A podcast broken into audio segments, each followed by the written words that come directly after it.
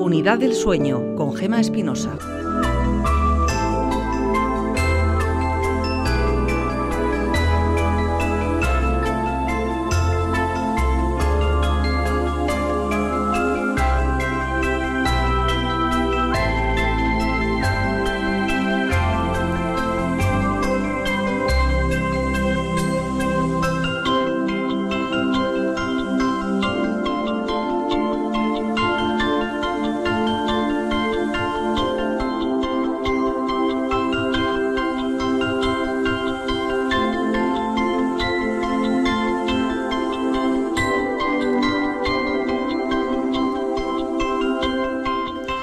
Sonaba esta música, no, no crean que intentábamos dejarles dormidos, ni mucho menos, al contrario, queremos despertarles a esta hora.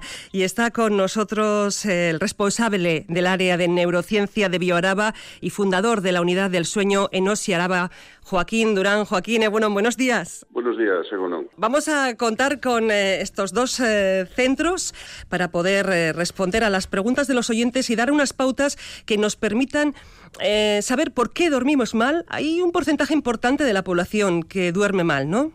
En realidad sí, porque hay aproximadamente un 17% de la población que tiene insomnio, hay en torno a un 25% de la población que padece apneas del sueño.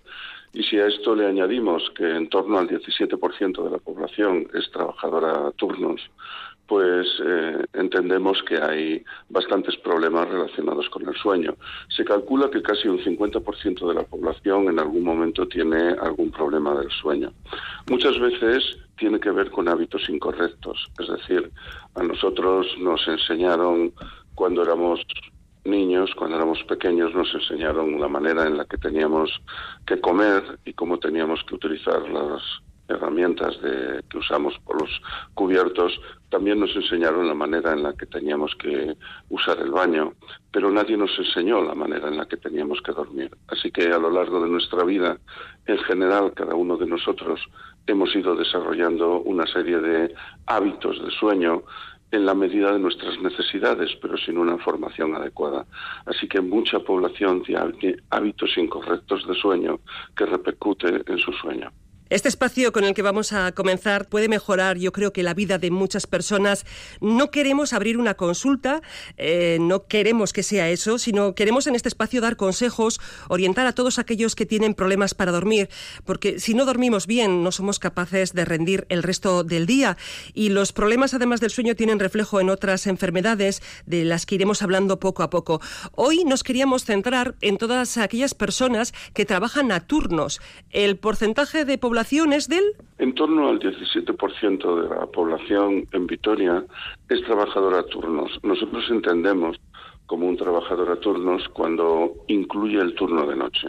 Es decir, eh, trabajadores que trabajan en turnos de mañana y tarde no los consideramos trabajadores a turnos porque no va a afectar a su horario nocturno. Sin embargo, cuando incluye el periodo nocturno, es decir, trabajan en tres turnos, entonces lo llamamos trabajador a turnos. Esto desde el punto de vista de la salud, porque probablemente alguien que trabaja en mañana y tarde está haciendo turnos, pero desde el punto de vista del perjuicio de la salud, es el trabajador a turnos el que más problemas va a tener. Cuando hablamos del trabajo a, eh, turnos, nos referimos a trabajar hoy mañana de mañana, el siguiente dos días de tarde y el otro de noche, trabajar a días o por días eh, unos y uno no. Me refiero, hay muchas fórmulas de trabajar a turnos. Así es, pero... ¿Cuál es la peor? Eh, la peor es la que fue más utilizada durante mucho tiempo y que todavía algunas empresas utilizan, que es una semana de mañanas, una semana de tardes y una semana de noches. Hay que decir que no existe un buen turno para trabajar a turnos, porque nosotros no somos animales nocturnos, somos animales diurnos. Por tanto, siempre que una persona trabaje a turnos corre riesgos de salud.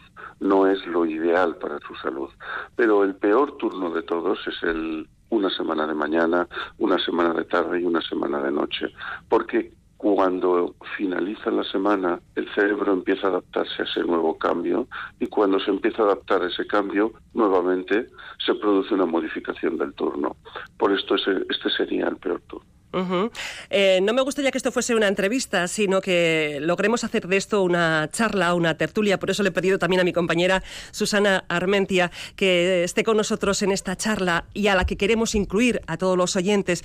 Porque, Susana, me da la sensación que cada uno de nosotros, si hemos tenido turnos y hemos conocido o conocemos a gente que trabaja turnos, ¿no? Y cada uno tiene su gran peligro. Efectivamente, y hay mucha gente pues del mundo sanitario o del mundo de, mm, estoy acordándome de la chancha o de la seguridad que trabaja en, esa, en ese turno que maldito ¿no? al que hacía referencia el doctor eh, Durán.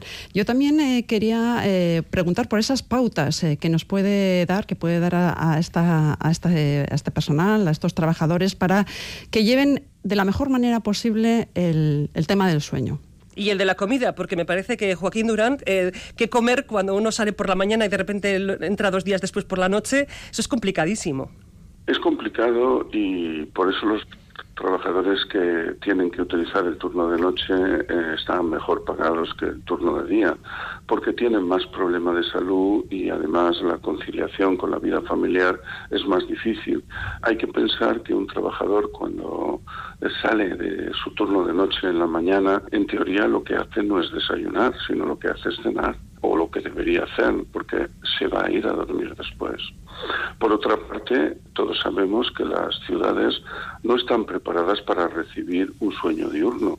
Durante el día no solamente tenemos que luchar contra la luz, que habitualmente se cuela por todos los rincones, sino tenemos que luchar contra el, ruido normal que hay por la mañana. Con lo cual, en cualquier eh, eh, trabajador a turnos que intenta dormir, es difícil que pueda dormir del tirón. Lo que suele hacer es dormir un periodo de tiempo, que suele ser de unas tres o cuatro horas, y luego a duras penas puede tener otro periodo de tiempo eh, luego después de, comer. ¿no? Es muy, muy difícil prolongar el tiempo de sueño más allá de, de la una o las dos de la tarde, del mediodía. Pero esto es con lo que hay que lidiar, porque es donde las personas viven. Pero hay algunas cosas que un trabajador a turnos debe saber. Lo primero de ellos es que cuando sale de, del trabajo no debe darle la luz. Por tanto, cuanto antes salga y antes pueda irse a dormir, mejor. Si le da la luz, se va a estimular su cerebro a través de la retina. Eh, esto va a hacer que va a inhibir la producción de melatonina, con lo cual esta persona va a tener muchas dificultades para conciliar el sueño. Es decir, si yo salgo por la mañana, no es buena idea aprovechar para espero un poco más, hago la compra y luego me voy a dormir. No es buena idea porque en cuanto empieza a salir el sol, eh, cuanto más potencia tenga el sol, más se reactiva tu cerebro. Exacto. Es decir, en un paciente que sale por la mañana y dice, ah, pues de paso voy a comprar el pan o voy a llevar a los niños al colegio, esto va a suponer problemas a la hora de luego poder conciliar el sueño. Nosotros para conciliar el sueño necesitamos tener una serie de características que se dan muy bien por la noche. Obviamente nadie puede conciliar el sueño si tiene hambre o si tiene sueño o si tiene dolor o si tiene frío o si tiene calor o si tiene miedo o tiene ansiedad. Pero con luz es muy difícil conciliar el sueño, muy difícil. Entonces, además, la luz continuamente incide sobre nuestra retina, estimulando nuestro cerebro. Insisto en que somos animales diurnos, no animales nocturnos. La recomendación que nosotros hacemos a todo trabajador cuando sale eh, de su turno de noche es que salga con gafas de sol. Es decir, se ponga gafas de sol. Para Aunque sea invierno aunque sea invierno. Si es de noche no las necesita, pero, pero si es de día necesita ponerse unas gafas de sol, aunque la gente le mire raro, ¿eh? necesita ponerse unas gafas de sol, ir a su casa y rápidamente irse a dormir. No esperar demasiado tiempo para irse a dormir, porque si lo hace, su cerebro va a verse estimulado. Esto es algo muy, muy importante para un trabajador a turnos. Luego, la segunda norma, que esto lo suelen hacer bastante bien, es que tiene que tener una habitación que pueda aislar eh, completamente de la luz. Es decir, que pueda bajar bien las persianas, que éstas bajen y cierren bien, que duerma en una habitación eh, donde pueda tener cierto aislamiento acústico y que también en su casa entiendan que está durmiendo, que no pueden andar pasando la aspiradora o andar haciendo ruidos, porque tiene, eh, imagínese que tengamos que enfrentarnos por la noche, cuando nosotros dormimos eh, en el periodo normal, a todos los ruidos que tiene que enfrentarse un trabajador a turnos cuando está durmiendo. Está en dificultades para conciliar el sueño, muchas más dificultades que las que eh, los que dormimos en horario nocturno. Eh, yo le voy a comentar mi caso personal. Yo el verano pasado trabajé toda la de noche, todo el verano, y la sensación que tenía es la de estar pensando todo el día en dormir. Y sin embargo, es cierto, ¿eh? todo el día en dormir. Y mi entorno también pensaba, todo el día quieres dormir, estás todo el día durmiendo, pero no puedes. Y realmente es lo que comentaba el doctor, que hasta la una del mediodía o dos puedes descansar, pero después ya es como una desconexión. Más cuando tienes que conciliar con la vida familiar. Ambas situaciones son dos elementos muy importantes que usted ha apuntado. ¿no? El primer lugar es la, esa continuidad del sueño que es difícil y luego pues que nuestro entorno eh, le cuesta entender estamos durmiendo, porque es el periodo en el que nadie duerme o solo duermen los que trabajan a turnos. Así que hay como cierta permisividad para los ruidos cuando tendría que ser todo lo contrario. Eh, pasa también esto en los hospitales, que parece que no nos damos cuenta de que los pacientes tienen que dormir y a veces no somos capaces de respetar el sueño de una manera eh, mucho más adecuada. ¿no? También es cierto que un trabajador a turnos fijo, eh, sería la situación menos dañina para él, porque eh, su cerebro adquiere la costumbre con el tiempo de trabajar en periodo de noche y se acostumbra. O se acostumbra más fácilmente, porque no se le está continuamente cambiando. Al cerebro no le gusta que le cambien las rutinas. Nosotros amamos las rutinas y de hecho no hay más que ver cómo los niños necesitan las rutinas. Forma parte de la representación de lo que los seres humanos necesitamos. A un niño en cuanto le cambias la rutina se desorienta. Nuestro cerebro odia los cambios de rutinas, por eso también odia los cambios de ritmo del sueño o nos adaptamos mal al cambio de horario. El cambio de horario solo supone un cambio de una hora, pero sin embargo tardamos en el entorno de una semana en adaptarnos a ese nuevo cambio de horario. Y ese cambio de horario de una hora también nos afecta. Imagínese lo que le tiene que afectar a un trabajador a turnos que tiene eh, que tener especial cuidado en todos los aspectos. como le digo, es como una cena ligera lo que tiene que hacer al desayunar. Eh, compañera Susana, tú decías eh, temporadas seguidas eh, trabajando de noche. ¿Qué hacías cuando salías? ¿Desayunabas, comías o cenabas? Fatal, todo lo contrario de lo que... Porque sales por la mañana, pero es un desayuno, pero tú te vas a la cama. Porque yo vivo en, en, Gasteiz, trabajo en Bilbao, con lo cual si sales, coges el coche, conduces, te da todo el sol de cara Em, alguna vez me he tenido que parar por el camino también para echar una pequeña cabezada. Vuelves, dices, bueno, ya aprovecho, eh, voy a hacer recados. Ahora que me he despertado, ¿no? Efectivamente. Eh, Intentas dejar todo hecho, te vas a la cama, pero el ruido que decía el doctor Durán también, ¿no? El ruido que la gente sigue su vida diaria y no se da cuenta que tú estás durmiendo. Joaquín Durán, cuando uno trabaja de noche, eh, por la mañana se va a la cama, ¿antes qué hace? ¿Desayuna, come o cena? Conceptualmente cena pero debe ser una cena ligera. Normalmente no es un horario donde el trabajador a turnos eh, le apetezca comer mucho, pero piense además que un trabajador a turnos suele tener un turno de hambre, la quinta comida, suele hacerla eh, de madrugada, porque eh, cuando en teoría cena y se va a trabajar, cuando hace el turno, cuando cenan todos los trabajadores diurnos, normalmente el trabajador a turnos a eso de las 2, 3 de la mañana tiene hambre. Con lo cual, otro de los riesgos de los trabajadores a turnos es la obesidad, porque eh, tiene que hacer una comida extra, porque normalmente suele entrar hambre.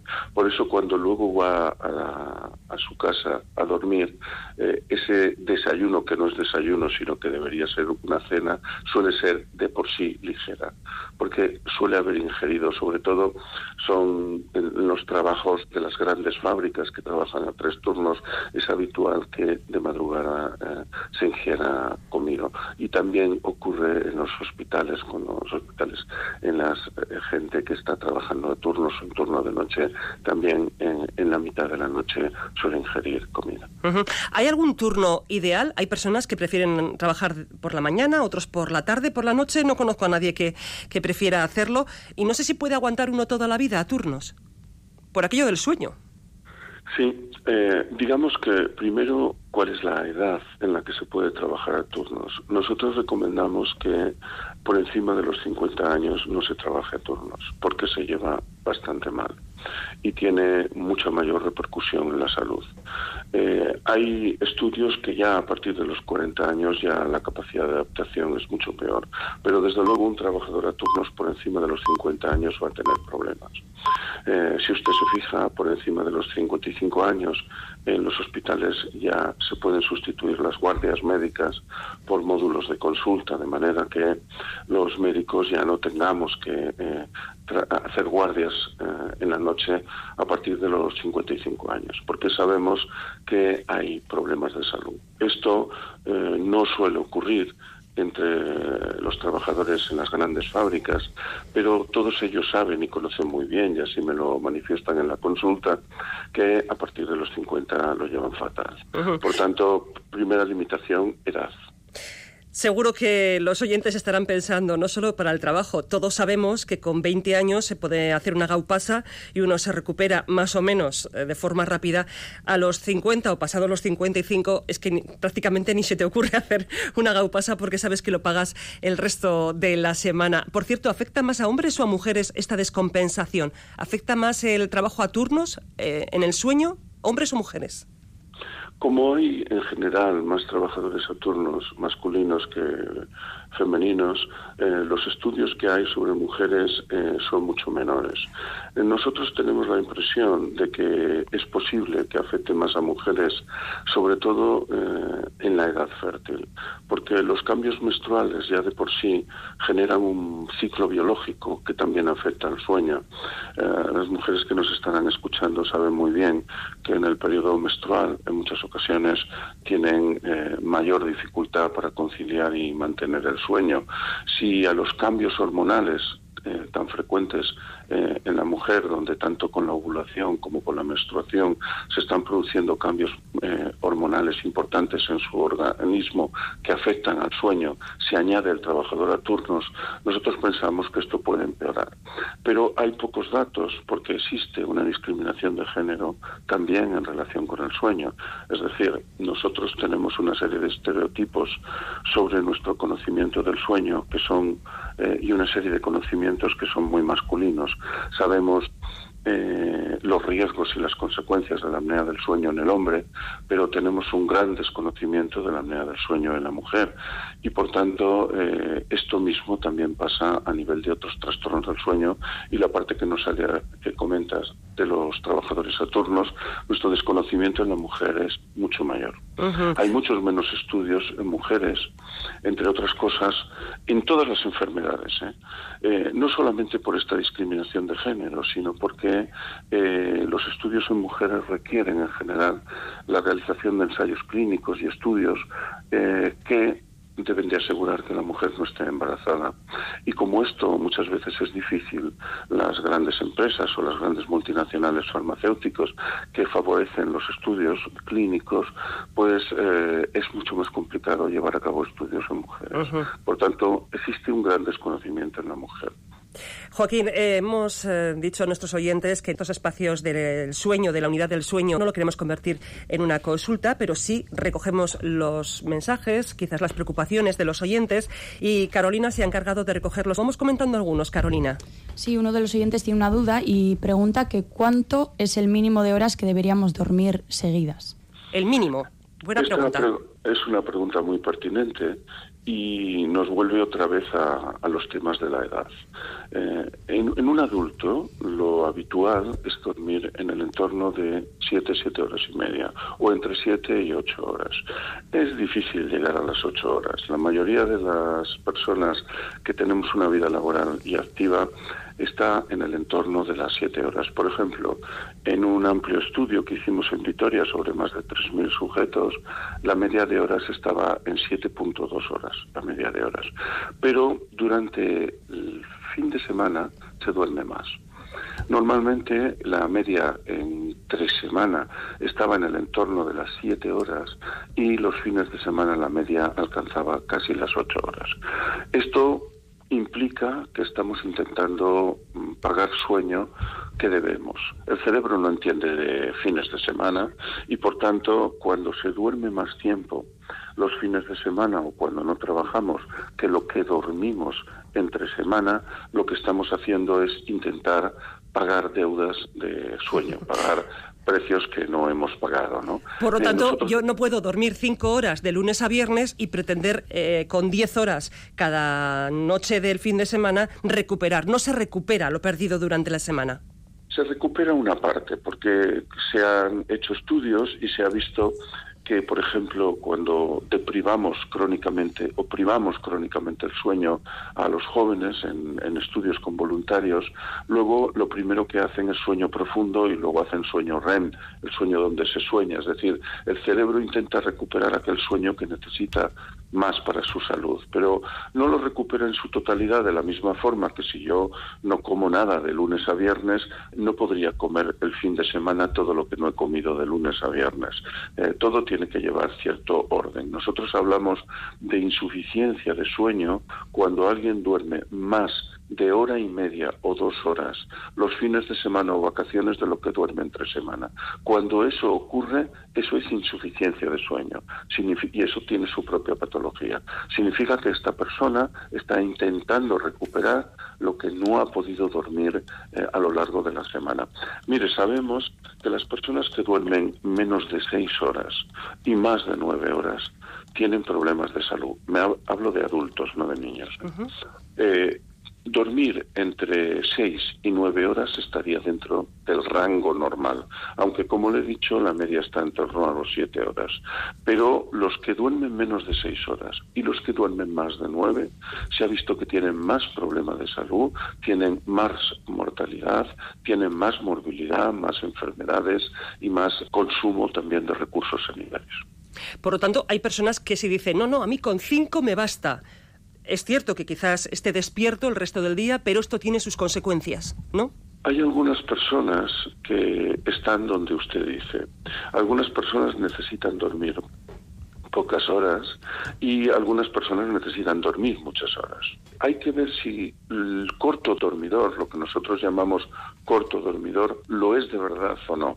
Porque hay personas que necesitan dormir poco porque tienen una enorme actividad laboral y esa actividad laboral les impide dormir poco y ellos acaban creyendo que necesitan dormir poco. Estas personas se autoestimulan continuamente o toman cafés o toman bebidas energizantes o les ves que nunca se sientan, en las reuniones están de pie, porque en el momento que se sientan les entra el sueño. Entonces, este no es un corto dormidor, es una persona que está forzando su ritmo del sueño. Pero hay personas que espontáneamente se despiertan muy pronto y que el número de horas con el cual se sienten descansados es corto, es cinco o seis horas. Nosotros, esto corresponde aproximadamente a un 3 a 5% de la población, nada más. Y nosotros vemos estas personas porque no están cansadas durante el día, están bien, hacen una vida normal, solo que necesitan dormir menos horas. Es verdad, pero solo es un 2-3% de la población. Y también están los largos dormidores. Los largos dormidores son personas que hasta que no duermen nueve o diez horas no están bien. him. Estos tienen muchos problemas, pero es porque la sociedad no está preparada para dejarlos en ningún caso dormir nueve o diez horas. Sí, resulta imposible prácticamente. Eh, Joaquín Durán, nos están llegando un montón de consultas que no se preocupen si no las podemos responder hoy porque este espacio, con la ayuda de la unidad del sueño de Osiaraba, que es la referencia de todas las unidades del sueño que hay en Euskadi, y el responsable del área de neurociencia de Bioaraba, pero sí me gustaría responder a una más. Carolina, ¿otro mensaje? Sí, nos dicen a ver si la toma de medicamentos durante un largo periodo de tiempo puede ser nocivo para la salud. De hecho, lo dice creo que alguien que lleva 10 años tomando omeprazol, ¿no? Eso es, Uno de ellos, y claro, pues si esto pregunta, influye negativamente en su calidad de vida. La pregunta que también es muy pertinente, depende siempre del balance que tenemos que hacer. ¿Cuál es la consecuencia de no tomar esa medicación? A veces mm, nosotros nos preocupamos mucho por tener que tomar una medicación y siempre eh, vivimos como en una continua lucha para no hacerlo, pero tenemos que pensar cuáles son las consecuencias de no tomar la medicación. Los pacientes que tienen problemas de sueño suelen estar muy preocupados cuando les tenemos que ayudar con algún tipo de medicación y muchas veces tenemos que insistirles que no hay nada peor que no dormir. Es decir, desde el punto de vista de la salud, cuando tenemos que tratar a un paciente con medicación o con fármacos para ayudarle a dormir, es que es mucho peor que no duerma. Si no hay más remedio que usar una medicación, hay que pensar que la ausencia de la misma, las consecuencias son peores. Si un paciente tiene que tomar omeprazol porque tiene un problema a nivel de gastritis o tiene un problema de intolerancia o de reflujo gastroesofágico, que después de haber sido evaluado por su especialista, el mejor tratamiento considera que debe ser el omeprazol, es que es mucho peor la enfermedad el tratamiento. Nosotros siempre usamos el balance riesgo-beneficio. Entendemos que cuando damos un medicamento crónicamente es mucho mejor para el paciente que la ausencia de ese medicamento. Pero no hay nada inocuo, ni el agua es inocuo. Todos los medicamentos tienen problemas y ninguno está exento de ellos. Lo ideal sería no tener que tomar medicamentos, pero nadie debe asustarse porque tenga que tomar una medicación si esa medicación es necesaria. Yo tengo que tomar bastantes medicamentos y los tengo que tomar desde hace muchos años y no hago esta reflexión porque sé que es mucho peor que no toma la medicación. Así que dejamos tranquilo a este oyente que sobre todo eh, la tranquilidad es lo que le permite a uno dormir bien. Los problemas nunca son buenos consejeros. De todo ello seguiremos hablando. Hoy ya despedimos este espacio. Joaquín Durán, un placer y muchísimas gracias. Muchas gracias a vosotros.